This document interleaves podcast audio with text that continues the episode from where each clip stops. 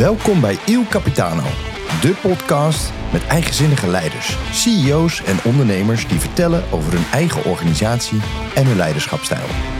Mijn naam is Jan-Joost Kroon en elke aflevering spreek ik met een nieuwe gast over ambities, ervaringen, het maken van keuzes en het voeren van het eerlijke gesprek. Mooi dat je luistert. Vandaag ben ik neergestreken onder de rook van het Antwerpse. Ik ga vandaag in gesprek met de CEO van Better Minds at Work. Hoogleraar aan de Universiteit van Gent en auteur van tenminste vier bestsellers. Nou, en daardoor natuurlijk ook veel gevraagd spreken in België, maar ook natuurlijk in ons mooie Nederland. Uh, volgens Better Minds at Work uh, zijn de medewerkers je belangrijkste kapitaal.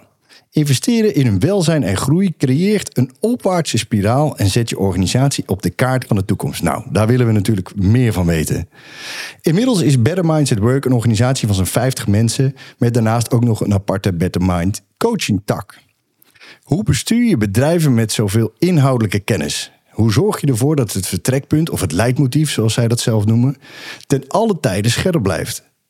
Hoe onderscheiden jullie jezelf van anderen in de markt elke? En hoe is het jou gelukt om aan de top van je vakgebied te komen en, nog veel belangrijker, hoe je daar gaat blijven?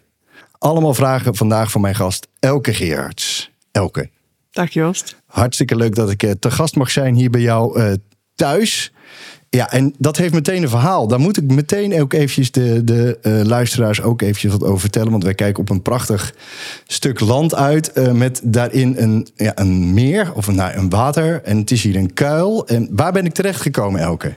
Ja, in een kleiput, Joost. Een kleiput? ja, ja um, het dorp waar we zijn uh, was vroeger steenbakkerijen. -huh. uh, maakte bakstenen. Um, ja. Zorgde ervoor dat de klei uit de grond werd gehaald. En diverse putten dus in het dorp die uh, inmiddels zijn volgelopen met water. En uh, daar kijken we nu op uit, ja. op een mooi natuurgebied. Ja, zo kom ik nog eens op plekken, jongens. Dan uh, ik zou zeggen, een mooie plek, een geweldig uitzicht. Ik denk een hele mooie inspirerende plek om alle dingen te doen waar jij heel erg druk mee bent. En daar gaan we natuurlijk vooral de rest van het gesprek ook over hebben. Ehm, ik begin zoals altijd met een paar vragen vooraf, Elke. Ik ben een lezer of ik ben een Netflixer? Netflixer. Toch wel een Netflixer, hè? ik ben van de details of ik ben van de grote lijnen? Grote lijnen. Ik ben van de goede vrede of het eerlijke gesprek? Eerlijke gesprek. In één woord. Mijn collega's typeren mij als? Mm, iemand die aan... Oh ja, één woord. Eén uh, woord? Veel vertrouwen. Vertrouwen. Geeft. Veel, ja, vertrouwen geeft. Veel vertrouwen geeft. Kom er zo nog op. Um, en mijn partner typeert mij als? Daadkrachtig. Daadkrachtig. Nou, hartstikke leuk. Dankjewel. Nou uh, ja, Better Minds at Work. Uh, het bedrijf waar, waar jij een hele tijd natuurlijk wat je zelf hebt opgericht, waar je aan verbonden bent. Je bent daarnaast actief als uh, hoogleraar op de Universiteit van Gent. Um, ja, vertel eens even kort even wat over je bedrijf. over hoe je dat begonnen bent, waar je daarmee nu staat. Even voor de mensen om te begrijpen met wie ik aan tafel zit. Ja, na tien jaar academisch werk aan verschillende universiteiten, veel onderzoek gedaan naar veerkracht, stress, burn-out dacht ik uh, die vertaalslag te maken naar het bedrijfsleven. Ben ik ondernemer geworden. Mm -hmm. Ondertussen zo'n tien jaar geleden. En dan uh, stilletjes aan uh, Better Minds at Work gestart vanuit Antwerpen. Ik dacht op dat moment komende vanuit Rotterdam aan de universiteit, waar ik jarenlang heb gewerkt en gewoond. Uh, want ik ga in het Antwerpse wonen, dan kan ik zowel België als Nederland uh, makkelijk bedienen. Ja. En ja, uh, tien jaar geleden uh, gestart met het idee, ik wil mensen wakker schudden dat er veel meer veerkracht in hen zit dan ze vaak zelf beseffen. Mm -hmm. En dat doen we vandaag nog steeds, maar inmiddels met een veel groter team. Ja, precies, hè, met ja. toch 50 collega's. Maar we gaan even op die veerkracht dan in.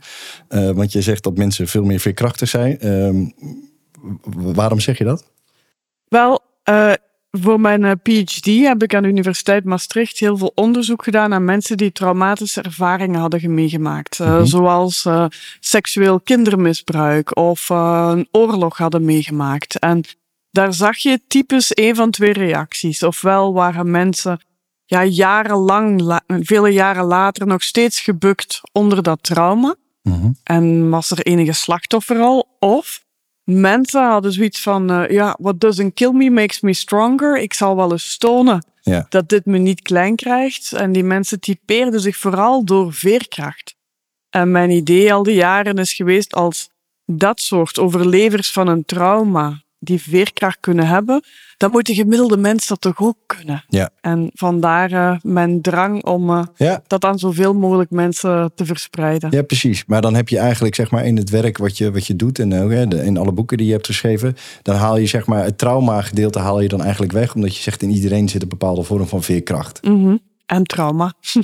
ja. ook. Ja, waarschijnlijk wel. Ja. Nee, dat, dat kan ik me inderdaad voorstellen. En um, je bent gestart, ben je in België gestart of ben je uh, in, uh, al heel snel ook in Nederland terechtgekomen met je bedrijf? Ja, ook, ook snel in Nederland. Ik had daar natuurlijk uh, ja, het netwerk natuurlijk. vanuit ja, de universiteit. Ja. En we hebben nu veel klanten in België en Nederland, maar eigenlijk ook in, in alle, op alle continenten. En Kijk. dat maakt het ook echt leuk om vanuit, vaak ook vanuit webinarstudio's, de hele wereld toe te kunnen spreken met onze inzichten. Ja, dat snap ik. Hey, wat leuk. En um, nou, daarnaast moeten we het ook, ook nog wel eventjes hebben natuurlijk over het feit dat je ook op een universiteit uh, uh, werkzaam bent. Uh, nou, je kent die omgeving, omdat je natuurlijk lang daar vaak, of dat je in Maastricht hebt gezeten en in Rotterdam hebt gezeten.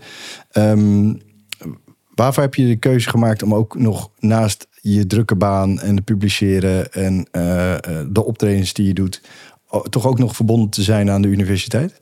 Ja, dat is pas sinds kort, Joost. Ik zag het. Uh, ja, ja. Ja. Ja, sinds een aantal maanden uh, terug die link met de universiteit. Um, om ook voldoende up-to-date te blijven over het Hm. wetenschappelijk werk. Voldoende collega's daar te hebben om daarmee te sparren. En ja, ook daar voldoende scherpte te houden. Hm. Better Minds at Work staat bij vele bedrijven gekend omwille van onze science-based aanpak. Mhm. En bij ons kan je geen uh, geitenwolle sokken aanpak verwachten, ook al zitten er veel psychologen in ons team. Maar die wetenschap maakt het voldoende rationeel en tegelijk praktisch. En dat, ja, dan is het ook een goede manier om die link met de universiteit te hebben en uh, goed te weten wat er zich allemaal afspeelt in de wetenschap. Ja. En dat dan weer te vertalen naar uh, ons aanpak. Ja, precies. Dus het is eigenlijk tweeledig. Aan de ene kant wil je ook de scherpte in het vakgebied aanbrengen door zelf het debat te blijven te Mhm. voeren. En aan de andere kant zeg je ook van ja, ik haal daar ook gewoon genoeg inspiratie uit om voor onze eigen organisatie om daar gebruik van te maken. Om in dat, op dat vlak ook een soort van koploper te blijven lopen. Ja, Oké. Hey, ehm, ik zei het al eventjes in mijn introductie. Ehm, ja, je hebt er heel veel inhoudelijke mensen, denk ik. Hè? Heel veel hoogopgeleide mensen. Je bent zelf hoogopgeleid. Ehm is dat makkelijk om aan een groep van hoogopgeleide mensen leiding te geven? nee. Nee. Het zijn al. natuurlijk allemaal mensen met een, een, een sterke mening, anders ga je niet voor een groep staan. Ja. Uh, dus dat vergt veel maatwerk, veel in op gesprekken, maar ook voldoende vaak teambuildings en uh, met elkaar zijn en uh, ook op de inhoud uh, verder werken en daar ook intervisie met elkaar over hebben. Ja, want is het dan niet, is het vaak zo, tenminste ik zie heel veel dat hè, als je kijkt bij de timmerman thuis, moet er altijd nog wel iets getimmerd worden in huis. Hè? En bij de schilder moet er altijd nog iets geschilderd worden. Uh, dus het is een bepaalde vorm van, ik noem het even een soort van blinde vlek. Of in ieder geval iets waarvan je keuze maakt om dat anders niet te doen. Uh, merk je dat, is, is zo'n vergelijking bij jullie ook wel te maken dat je zegt, we zijn heel veel met andere bedrijven bezig en met andere organisaties bezig, waardoor je misschien ook wel eens vergeet om naar jezelf te blijven kijken? Ja, dat gebeurt. Uh, Ja. Soms hoor ik me dan hardop wel iets zeggen dat ik denk, oh wacht even, uh, dit moet ik ook zelf nog gaan toepassen of dit moet in onze organisatie ook beter. Ja. Dus vaak is het ook wel een wisselwerking en uh, pak ik die bagage ook wel weer mee als een soort wake-up call om Ja. daaraan te werken. Ja, om ervoor te zorgen dat je elkaar ook niet verliest. Eh, zeker natuurlijk met mensen die hoog opgeleid zijn, die prima ook heel veel dingen zelf kunnen doen. En dan op een gegeven moment ook denken van nou, dan, eh, dat je er eh, uit moet kijken dat je de, de, de combinatie tussen medewerker, bedrijf en visie. Want eh, die, eh, ik verwees even naar het leidmotief wat jullie natuurlijk ook Mhm. hebben. Wat, op je, wat ik gewoon voor jullie website heb geplukt natuurlijk. Want daar haal ik alle wijsheid vandaan. Ehm, want even kijken, want het, het is natuurlijk nog wel eventjes wat. Hè? Ehm, ik ben er maar even bij aan het zoeken. Eh, zoveel mogelijk inhoudelijke kennis. Nee, nou, ik kan hem even niet meer terugvinden. Oh ja, hier. Investeren in welzijn en, eh, en, en groei creëert in een opwaartse spiraal... en zet je organisatie, organisatie op de kaart van de toekomst. Kijk, dat is natuurlijk een geweldige volzin, eh, Elke. En eh, complimenten voor de manier waarop die geformuleerd is. Maar als je me eens in Jip en Janneke vertaalt van... hoe onderscheiden jullie dit dan van... ik denk dat er nog meer bedrijven zijn die zeggen dat ze dit ongeveer kunnen doen. Ja, zeker. Nou, en waarom moet ik dan toch voor Better Minds at Work? Uh... Goh, ik denk dat het, uh, ja, de, onze aanpak moet je liggen al als, uh, als management uiteraard. Mhm. Um, wat ons vooral onderscheidt is die combinatie telkens maken van aan de ene kant een wetenschappelijke aanpak, die we doorvertalen naar heel praktische handvatten op de werkvloer. Ja. Zodat iedereen de vertaalslag voor zichzelf kan maken wat hij moet doen. Voor zichzelf, voor zijn team of voor de hele organisatie. Ja. En ieder vanuit zijn eigen expertise. Dus we proberen een one-stop shop te zijn voor Mhm. HR, voor het management. Dat wanneer ze met een probleem zitten of een uitdaging of een opportuniteit rondom eh, medewerkers, eh, dat wij daarmee kunnen helpen. Ja. Ja, wat je zegt, eh, het matcht, de aanpak past bij je of niet. Ja, Ja. ja, Ja. absoluut. Ja, dus je laat je daarin ook niet verleiden door soms je aanpak wat te wijzigen omdat een klant daarom vraagt. Eh, ik zal altijd maatwerk leveren Ja, voor precies. een klant. Nee, maar wel binnen Ja. de kaders natuurlijk Ja. die, je daarvoor, eh, die je Mhm. daarvoor hebt gesteld. Ja. Oké, ehm, ik heb ook eh, online eens even, nog even naar wat dingen gekeken van een van de vele interviews. of filmpjes die mensen op YouTube ook over jou kunnen vinden. Waar overigens gewoon ook volledige keynotes op staan. Zag ik dus wat dat betreft mensen zoeken elke ook gewoon eens op op YouTube. En kijk eens wat naar een keynote van haar. En ik heb gewoon eens een aantal dingen eruit gehaald. Die ik even leuk vind om bij jou voor te leggen. Ehm, en een van jouw keynotes komt eh, ehm, het grote belang van focus en de, mogelijk om te verbinden, de mogelijkheid om te verbinden, de eh, ability to connect. Dus die belang van focus en eh, de mogelijkheid om te verbinden. Bedoel je dat ook zo op die manier, de mogelijkheid om te kunnen verbinden? Ja, er moet een veilig klimaat zijn om je open te stellen, je kwetsbaarheid te tonen en daarmee net de verbinding te maken met andere mensen. En te vaak zie je mensen, vooral eh, op de werkvloer, nog hun werkpet op hebben versus hun privépet. En ik ben een groot pleitbezorger dat we één persoon zijn Ja. en dat je die mag tonen, moet tonen. Ja. En pas dan, als je die authenticiteit toont, dat je ook verbinding kan maken met andere mensen. En Ja. laat nu net dat een heel grote energiegever zijn. In plaats van eh, dat je een rolletje speelt, bedoel je eigenlijk? Ja, ja. ja, ja, dat kost zoveel energie. Voor die persoon zoveel, bedoel je? Ja, pakt zoveel mentale ruimte in, Mhm. dat er weinig ruimte overblijft om echt te verbinden met iemand. Ja. Is het, eh, kan het ook zo zijn dat mensen eh, simpelweg een bepaalde rol op hun werk aannemen omdat ze denken voor die 40 uur per week, bij wijze van spreken, kan ik dat heel goed doen, maar in privé ben ik heel ander, wil ik ook een ander persoon zijn? Of heb je dan nog gewoon een verkeerde baan? Ja, ehm, uiteraard heeft niet iedereen eh, de, de meest ideale baan en kan je de redenering hebben van, eh, ja, ik doe gewoon mijn uren en ga naar huis. Ja. Maar ergens 40 uur per week is veel, hè? Om Ja. daar dan maar een typetje te spelen. En Ja. hoe mooi zou het zijn als je in je baan toch wel een aantal energiegevers vindt die je het leuk maken. Ja. Ja, en dat zijn ook de dingen waar jullie dan in je trajecten vooral naar zoekt bij de, bij de mensen, bij de individuen. Van oké, wat zijn dan die en- energiegevers om, Mhm. eh, om dingen ook leuk te doen? Eh, en moet ik het dan zo voor me zien? eh, Begeleiden jullie dan, is, is, is het veelal één op één trajecten die je daar dan in doet? Of doe je dat ook in groepsverband waarin je dan eerst die veiligheid in zo'n groep ook met elkaar moet creëren? Ja, vooral groepen die we workshops of eh, meerdaagse trainingen geven.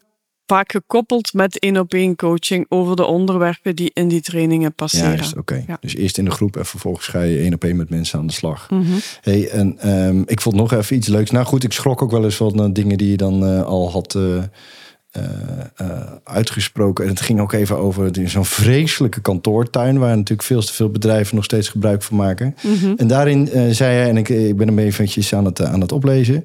eh, dat het 25 minuten duurt dat je weer 100% gefocust bent... op het moment dat je afgeleid bent. Ehm, zo'n kantoortuin zou tot meer teamdynamiek moeten leiden. Maar ik noem het liever teamdynamiet. Ja, ja, Ja, die vond ik zelf heel erg leuk.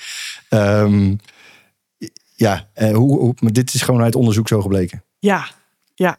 Eh, wanneer mensen iets anders eh, doen terwijl ze aan een taak bezig zijn, denken ze snel daarna terug te switchen naar datgene dat ze aan het doen waren. Maar dat switchen eh, brengt echt een kost met zich mee, namelijk tijd. Mhm. En ook al ervaar je dat niet bewust, hè, stel je zou een, een kapje opzetten dat je hersengolven meet, dan zou je heel duidelijk zien dat het tot 25 minuten duurt alvorens je weer 100% gefocust bent op die taak waarmee je bezig was. En uiteraard in die tijd ben je al opnieuw en opnieuw en opnieuw afgeleid. Dus 100% focus is iets dat we nauwelijks nog bereiken en dat is echt zonde. Ja, ja, bizar. Uh, want ik heb zelf ook helaas wel eens in dat soort omgevingen gewerkt. En één ding wat mij, toen ik dit las, toen dacht ik, hoe gedroeg ik mezelf daar? En ik zat vooral om me heen te kijken. Dat ik dacht, uh, wie zit waar? Oh, dan moet ik straks nog even naartoe. Dan moet ik nog even, even, even langs om een afspraak mee te maken. En ondertussen zit je wel in een mailtje en dan komt er weer iemand anders langs je voorbij. Of die vraagt even of je koffie wil. Ja. Het is, um, en het leidt ook gewoon, want je kunt eigenlijk ook geen gesprekken voeren, vind ik, met mensen in zo'n omgeving. Want iedereen zit mee te luisteren. Dat je denkt, ja, soms uh, is dat gewoon heel erg onhandig. Maar dat het 25 minuten duurt, toen dacht ik, jeetje, Mina, dat is wel, eigenlijk zou iedereen per direct moeten stoppen met dat soort dingen. Ja, kantoortuinen zijn daardoor super duur. Ja, Terwijl het precies. vaak als besparing is eh ja ingelast. als bedacht. Ja. Ja. Alleen het effect van eh, wat het heeft op je gedrag eh, en ook op je brein, dat is natuurlijk nooit meegerekend in de business case. Toen ze dachten, we gaan wat anders organiseren. Ja. Nou, met terugwerkende kracht lekker terugdraaien, zou ik zeggen tegen Mhm. iedereen die nog in zo'n ding zit. Ehm, eh, ik heb kort geleden een artikel van jou gezien. En daar stel je dat het eh, goed zou zijn eh, dat managers eh, veel meer eh, kennis zouden moeten hebben over het brein. Mhm. Eh, en heeft dat dan specifiek, eh, nou, dit zeg je om, om, om natuurlijk te zeggen van dat het belangrijk is om mensen te snappen. Maar is het dan zo dat je wil weten hoe mensen reageren, wat ze doen, of gedrag voorspelbaar is, of, of dat je als manager beter kan inschatten eh, waarom iemand iets zegt of hoe een brein werkt? Waarom, waarom kom je met deze stelling? Ja, in de eerste plaats meer kennis over hun eigen brein. Zodat ze inzicht hebben in wie ze zijn, Ja, hoe ze als leidinggevende willen functioneren, hoe ze mensen kunnen motiveren. Pas wanneer je dat weet over jezelf, kan je de vertaalslag maken naar je team of naar je kinderen. En ehm, ja, ik denk dat het bij jou ook was dat je op school nauwelijks iets leert over je brein. Nee, en in die klopt. verdere studie wellicht ook weinig. Nee. En ja, ik vind dat bijzonder, want ja, we zijn allemaal breinwerkers, eh, maar we weten er zo weinig vanaf. Het voorbeeld van de kantoortuinen. Mhm. De persoon die dat bedenkt, weet te weinig af van het brein en daardoor creëert hij, omwille van bezuinigingen, kantoortuinen. Ja. En heeft het een ironisch effect. Maar ook wanneer je een team wilt motiveren, of dat je ze naar een bepaalde perfectie wil drijven, ja, Mhm. dan moet je ze soms laten falen. Ja. En in die leerzone gaan mensen net beter worden. Maar dat betekent ook dat je die veiligheid moet creëren. En net door ja, van die eenvoudige inzichten over het brein ga je als leidinggevende, maar ook gewoon als medewerker zelf veel beter weten van aan welke knoppen moet ik draaien om Ja. Voldoende productief te zijn en tegelijkertijd een goed welzijn te hebben. Ja, dus het begint op dat vlak. Hè, want ik begon al meteen heel, heel inhoudelijk over medewerkers en zo. Maar eigenlijk zeg je, laat ze eerst maar bij zichzelf beginnen. Ja, Voordat je het überhaupt kan overbrengen. Want nou, dat gaat natuurlijk, het Ja. is heel fijn als je zelf weet hoe je, hoe je ook in elkaar zit. ja vaak gaan we op automatische piloot maar jaren door, Joost. Ja. Zonder eens kritisch te kijken naar ben ik nu bezig zoals ik dat wil en waar wil ik over vijf jaar staan en ben ik vandaag de dingen aan het doen die daartoe bijdragen. Ja. En heel vaak blijkt dat van niet, omdat we op automatische piloot dag Ja. in dag uit hetzelfde doen. Ja. Zonder een keer introspectie te hebben. Ja, even stil te staan. Ja, Hey, eh, die automatische piloot, mooi, mooi bruggetje. Eh, want die heb ik hier ook nog een uitspraak eh, van. En jij zegt eigenlijk, hè, en het is een beetje in, in, in, het verlengde hiervan. We moeten waken voor de automatische piloot en voor klagen en zagen. mhm. En klagen en zagen vind ik dan een hele fijne uitspraak. Want die gebruiken we in Nederland niet zoveel. Dus wat dat betreft vond ik dat. Maar eh, eh, zeuren we dan te veel of zo? Is dat dan... eh, vind ik wel. Ja, Ja, wij als mens zijn ook wel een beetje geprogrammeerd in ons brein om negativiteit te zien, te detecteren. En als die er dan niet is, dan bedenken we hem vaak wel. Ja. En ik zie maar al te vaak op werkvloeren dat medewerkers veel weerstand hebben op initiatieven die het management neemt. Of het nu linksom of rechtsom gaat, het is nooit goed. nee, Of het regent te weinig of het regent te veel, het is nooit goed. nee. En naar mijn smaak creëert dat een soort passiviteit, een inertie bij mensen. En dat wens ik niemand toe. Nee. Want in die passiviteit ga je alleen maar meer in een negatieve spiraal zitten in plaats van een opwaartse spiraal. Ja. Dus, dus dat eigenaarschap pakken om eh, dingen voldoende om te durven denken, of iets positiefs te zien, of de kop in te drukken, te neutraliseren. Maar weg van die reflex om alles in het negatieve te zetten, Ja. om te roddelen, dat normaal te vinden. Ja. Dat zouden we echt moeten stoppen. En ja, precies. En eh, daar zit dan wat mij betreft ook een ding wat ik, wat ik zelf altijd ook wel benoem is van... eh, of mensen daar ook gewoon direct op aan te spreken op het moment dat dat gebeurt. Want het gebeurt vaak niet. Ja, hè? Dus ja. het is toch meer van de mensen die klagen. Iedereen klaagt liever gezellig met elkaar mee. Mhm. aan hoe slecht het gaat met het bedrijf. En als je als collega dan voorbij komt lopen en je probeert iets positiefs te zeggen... dan word je een beetje aangekeken van joh, eh, waarom klaag je niet mee? Ja, Ja. ja. ja. we hebben met eh, Better Minds at Work eh, ooit een campagne gevoerd. Ben je nu een Calimero Mhm. die zeurt? Of ben je een Calihero? De held die Ja. eigenaarschap pakt. En ja, in vele bedrijven sloeg dat wel aan, omdat het op een eenvoudige manier, eh Calimero, Calihero, iets, ja, iets aan de oppervlakte bracht. Zonder Ja. dat je moest zeggen, je zit heel negatief te praten. Hè? Nee, Dan was het eh, op een ludieke manier, Ja, kon je een eh, gevoelig onderwerp vastpakken. ja, en, ja, precies. En eh, dan doe je het wel met een knipoog. Want zo'n Mhm. Kali Hero is natuurlijk best wel, dat bekt ook lekker. Dus dat maakt het ook misschien wel leuk. Maar het stelt wel meteen iets aan de kaak van jongens, weet je, wat voor gedrag vertonen we hier nou eigenlijk Ja. met elkaar? Ja. Nou, en dat wil je natuurlijk bereiken. Hey, ehm, dan nog één dingetje. Ehm, ja, gemiddeld 47% van de tijd zijn we mentaal, fysiek, nee, zijn we mentaal afwezig. Tijdens die afwezigheid dwalen gedachten vaak negatief af, een eigenschap van ons oerbrein. Mhm.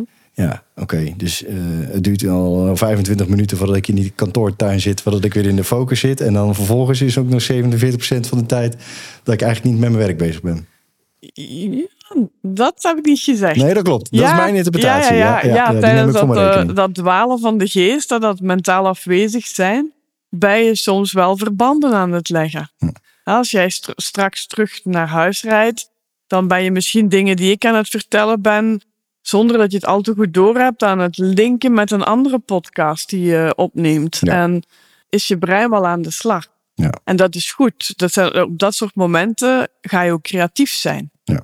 Het nadeel is echter dat tijdens dat dwalen wij heel vaak naar iets negatiefs afdwalen. Omdat dat zo is voorgeprogrammeerd in ons brein. Dat is, ja, ik wou net zeggen, dat, Ja. ging, dat is gewoon iets wat een, een afslag is, staat dan vaak naar de negativiteit in onze hersencellen. En door bewuster introspectie te hebben en na te denken van wat ben ik toch maar allemaal aan het denken, Ja. ga je die negativiteit beter kunnen counteren. Hm. En er iets neutraals of bij voorkeur zelfs iets positiefs voor in de plaats ja.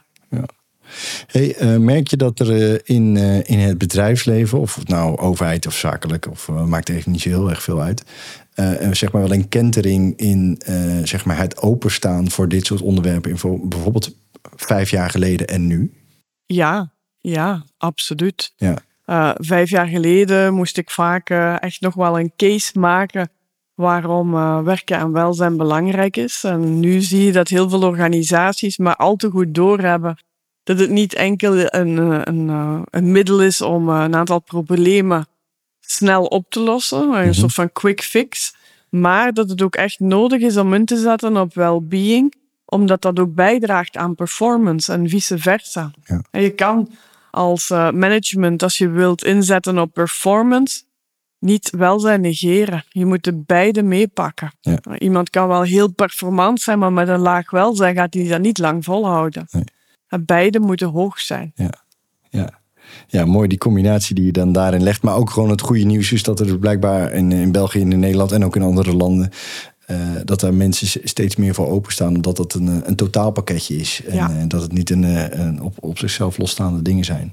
Ehm, ik vroeg je daar straks hoe jouw collega's jou typeerden. hè, En ik, het liefst één woord, maar dat Mhm. lukte niet.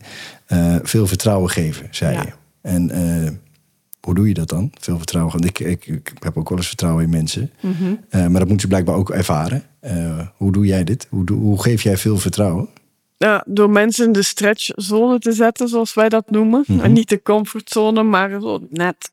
Ja, te kietelen om eh, iets te gaan doen dat ze misschien moeilijk vinden. Stel je voor, een eerste keynote voor duizend mensen. Ja. Dat kan wel afschrikken, maar ik heb dan zoiets van, nee, hoe gaan we doen? Kom op. Ja. We, we trainen daar wel eh, richting eh, dat doel. En dan ja, het vertrouwen geven om te springen en het te gaan doen en uh, ervan uit te gaan dat het goed komt. Ja. Dat typeert mij wel. Ja. Geen micromanager, zo toch? Nee, nee, nee, nee, helemaal niet. Ik ben van de grote lijnen ook. Hè? Nee, daarom, ja, niet van de details. Dus dat is, dus dat is fijn. Hey, en nou ja, goed, we hebben het al even kort gehad ook over, uh, over, uh, over jouw, nou ja, jouw achtergrond uh, vanuit de universiteit. Nou, je hebt een, een bedrijf opgebouwd. Je hebt verschillende boeken geschreven, die natuurlijk allemaal over dit onderwerp gaan. Hè? Dus dat zijn ook allemaal goed verkochte boeken. Um, ja, ik zei dat je, je staat, denk ik, althans als mijn interpretatie, wel aan de top van je, van je vakgebied. Wat, wat zorgt er nu voor dat jij op die manier daar blijft? Uh, me omringen met kritische geesten. Mm -hmm. uh, voldoende ook uitdagingen te durven aangaan. Voldoende te sparren met andere ondernemers. Maar ook soms ja, zelf uit die comfortzone gaan. Ja. Zoals nu terug aan de universiteit een professorschap opnemen. Ja. ja, de tijd was er dan rijp voor om dat te doen na tien jaar. En ja, zo ze telkens wel proberen elk jaar uh, dingen te vernieuwen. Um, en uh, kritisch te zijn aan mezelf. En voldoende mensen rondom me die me ook een spiegel durven voorhouden. Ja, wow. wat, wat maakt jou zo goed in wat je doet? Ik denk dat mijn talent erin zit om dingen met elkaar te verbinden. Bepaalde topics. Mm -hmm. uh, dat ik uh, verbanden zie uh, van wat belangrijk is om qua inhoud op te gaan inzetten. Maar ook zeker mensen verbinden. een match tussen verschillende collega's zien en zeggen: ah, duik daar eens in dat topic samen. En dat je dan eens de magie ziet ontstaan. Uh, ja, dat vind ik heel erg leuk. Of ook uh, de juiste trainer aan een klant binden. En dat die voor jaren met elkaar al goed zijn. Dat vind ik ook heel tof. Ja, dat is iets tof. En daar heb je blijkbaar gevoel voor. Ja, ja. ja, ja dat vind ik leuk. Dat, ja.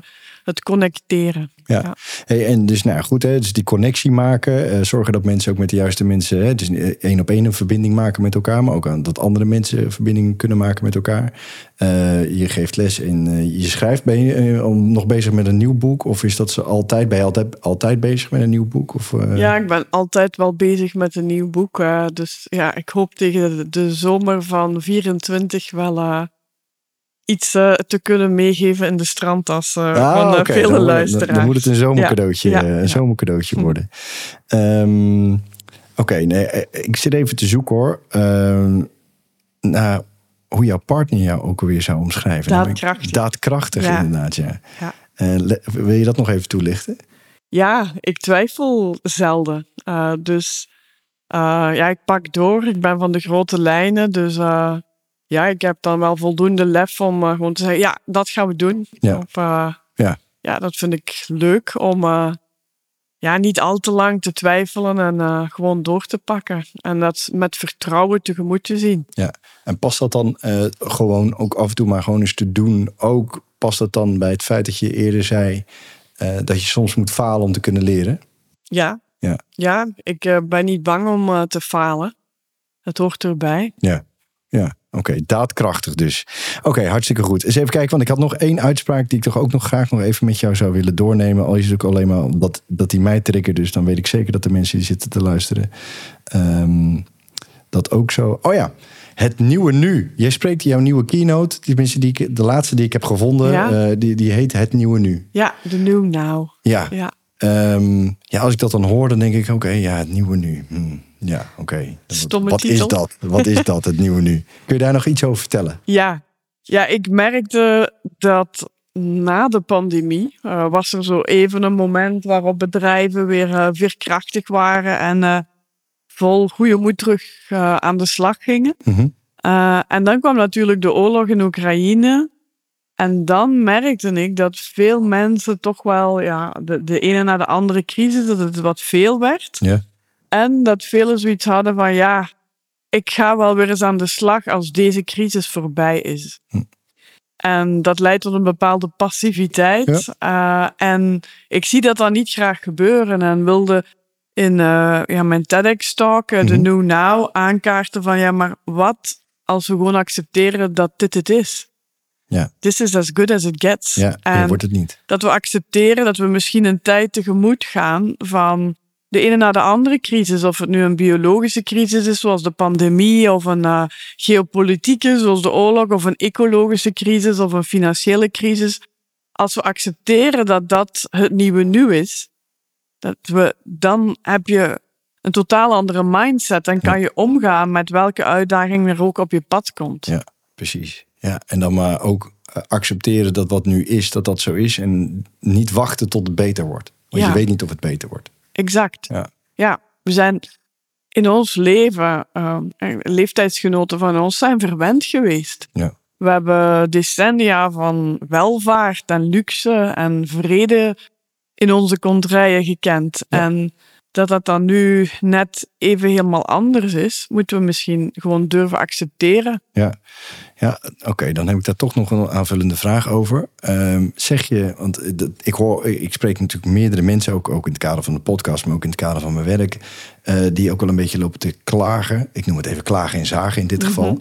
Over de, de dertigers van deze, van deze wereld. Hè? Die, die, kijk, die nog nooit een tegenslag, bij wijze van spreken, hebben gehad. En die dan eh, in een soort van slachtofferrol of eh, Calimero-gedrag of zo gaan vertonen. Ehm, eh, hoe kijk jij daar tegenaan? Zie je dat in die generatie anders dan zeg maar in de dertigers en de vijftigers? Zie je daar dan ook een verschil in, in het gaan, hoe ze omgaan met de new now? Of Ja.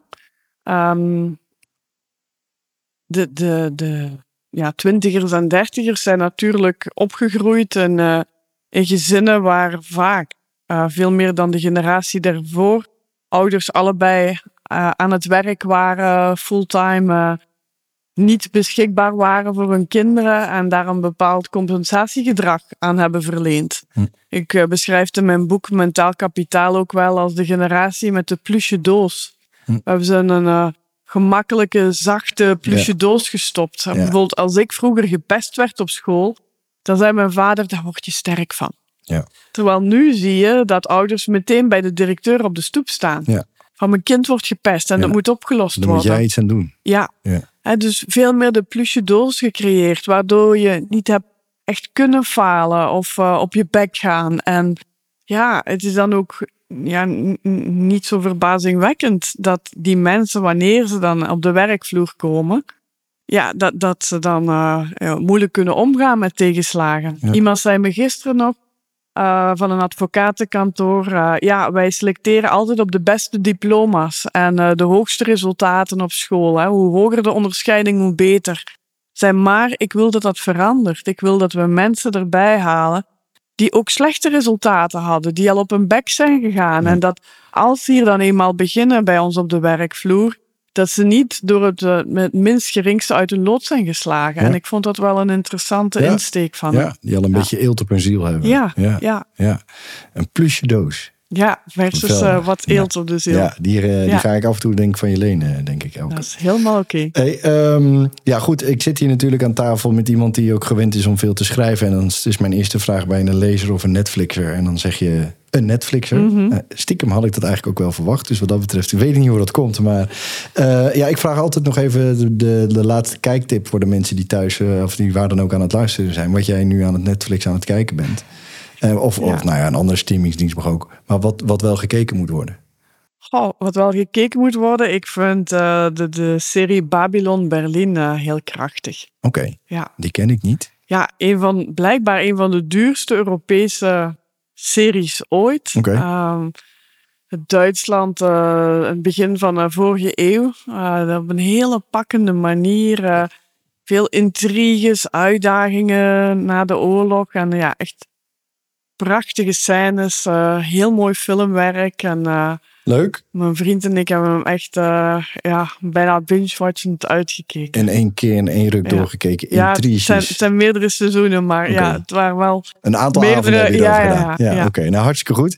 Eh, leuk, dankjewel hiervoor. Ik eh dank je wel ook voor het gesprek, Elke. Hartstikke leuk, dankjewel. En ik, beste mensen, kijk gewoon eens even online. Google Elke, gewoon eens even. Dan kan je allemaal zien wat ze gemaakt, geschreven en gesproken heeft. Dat is allemaal terug te vinden. Het is absoluut een aanrader om dat te doen.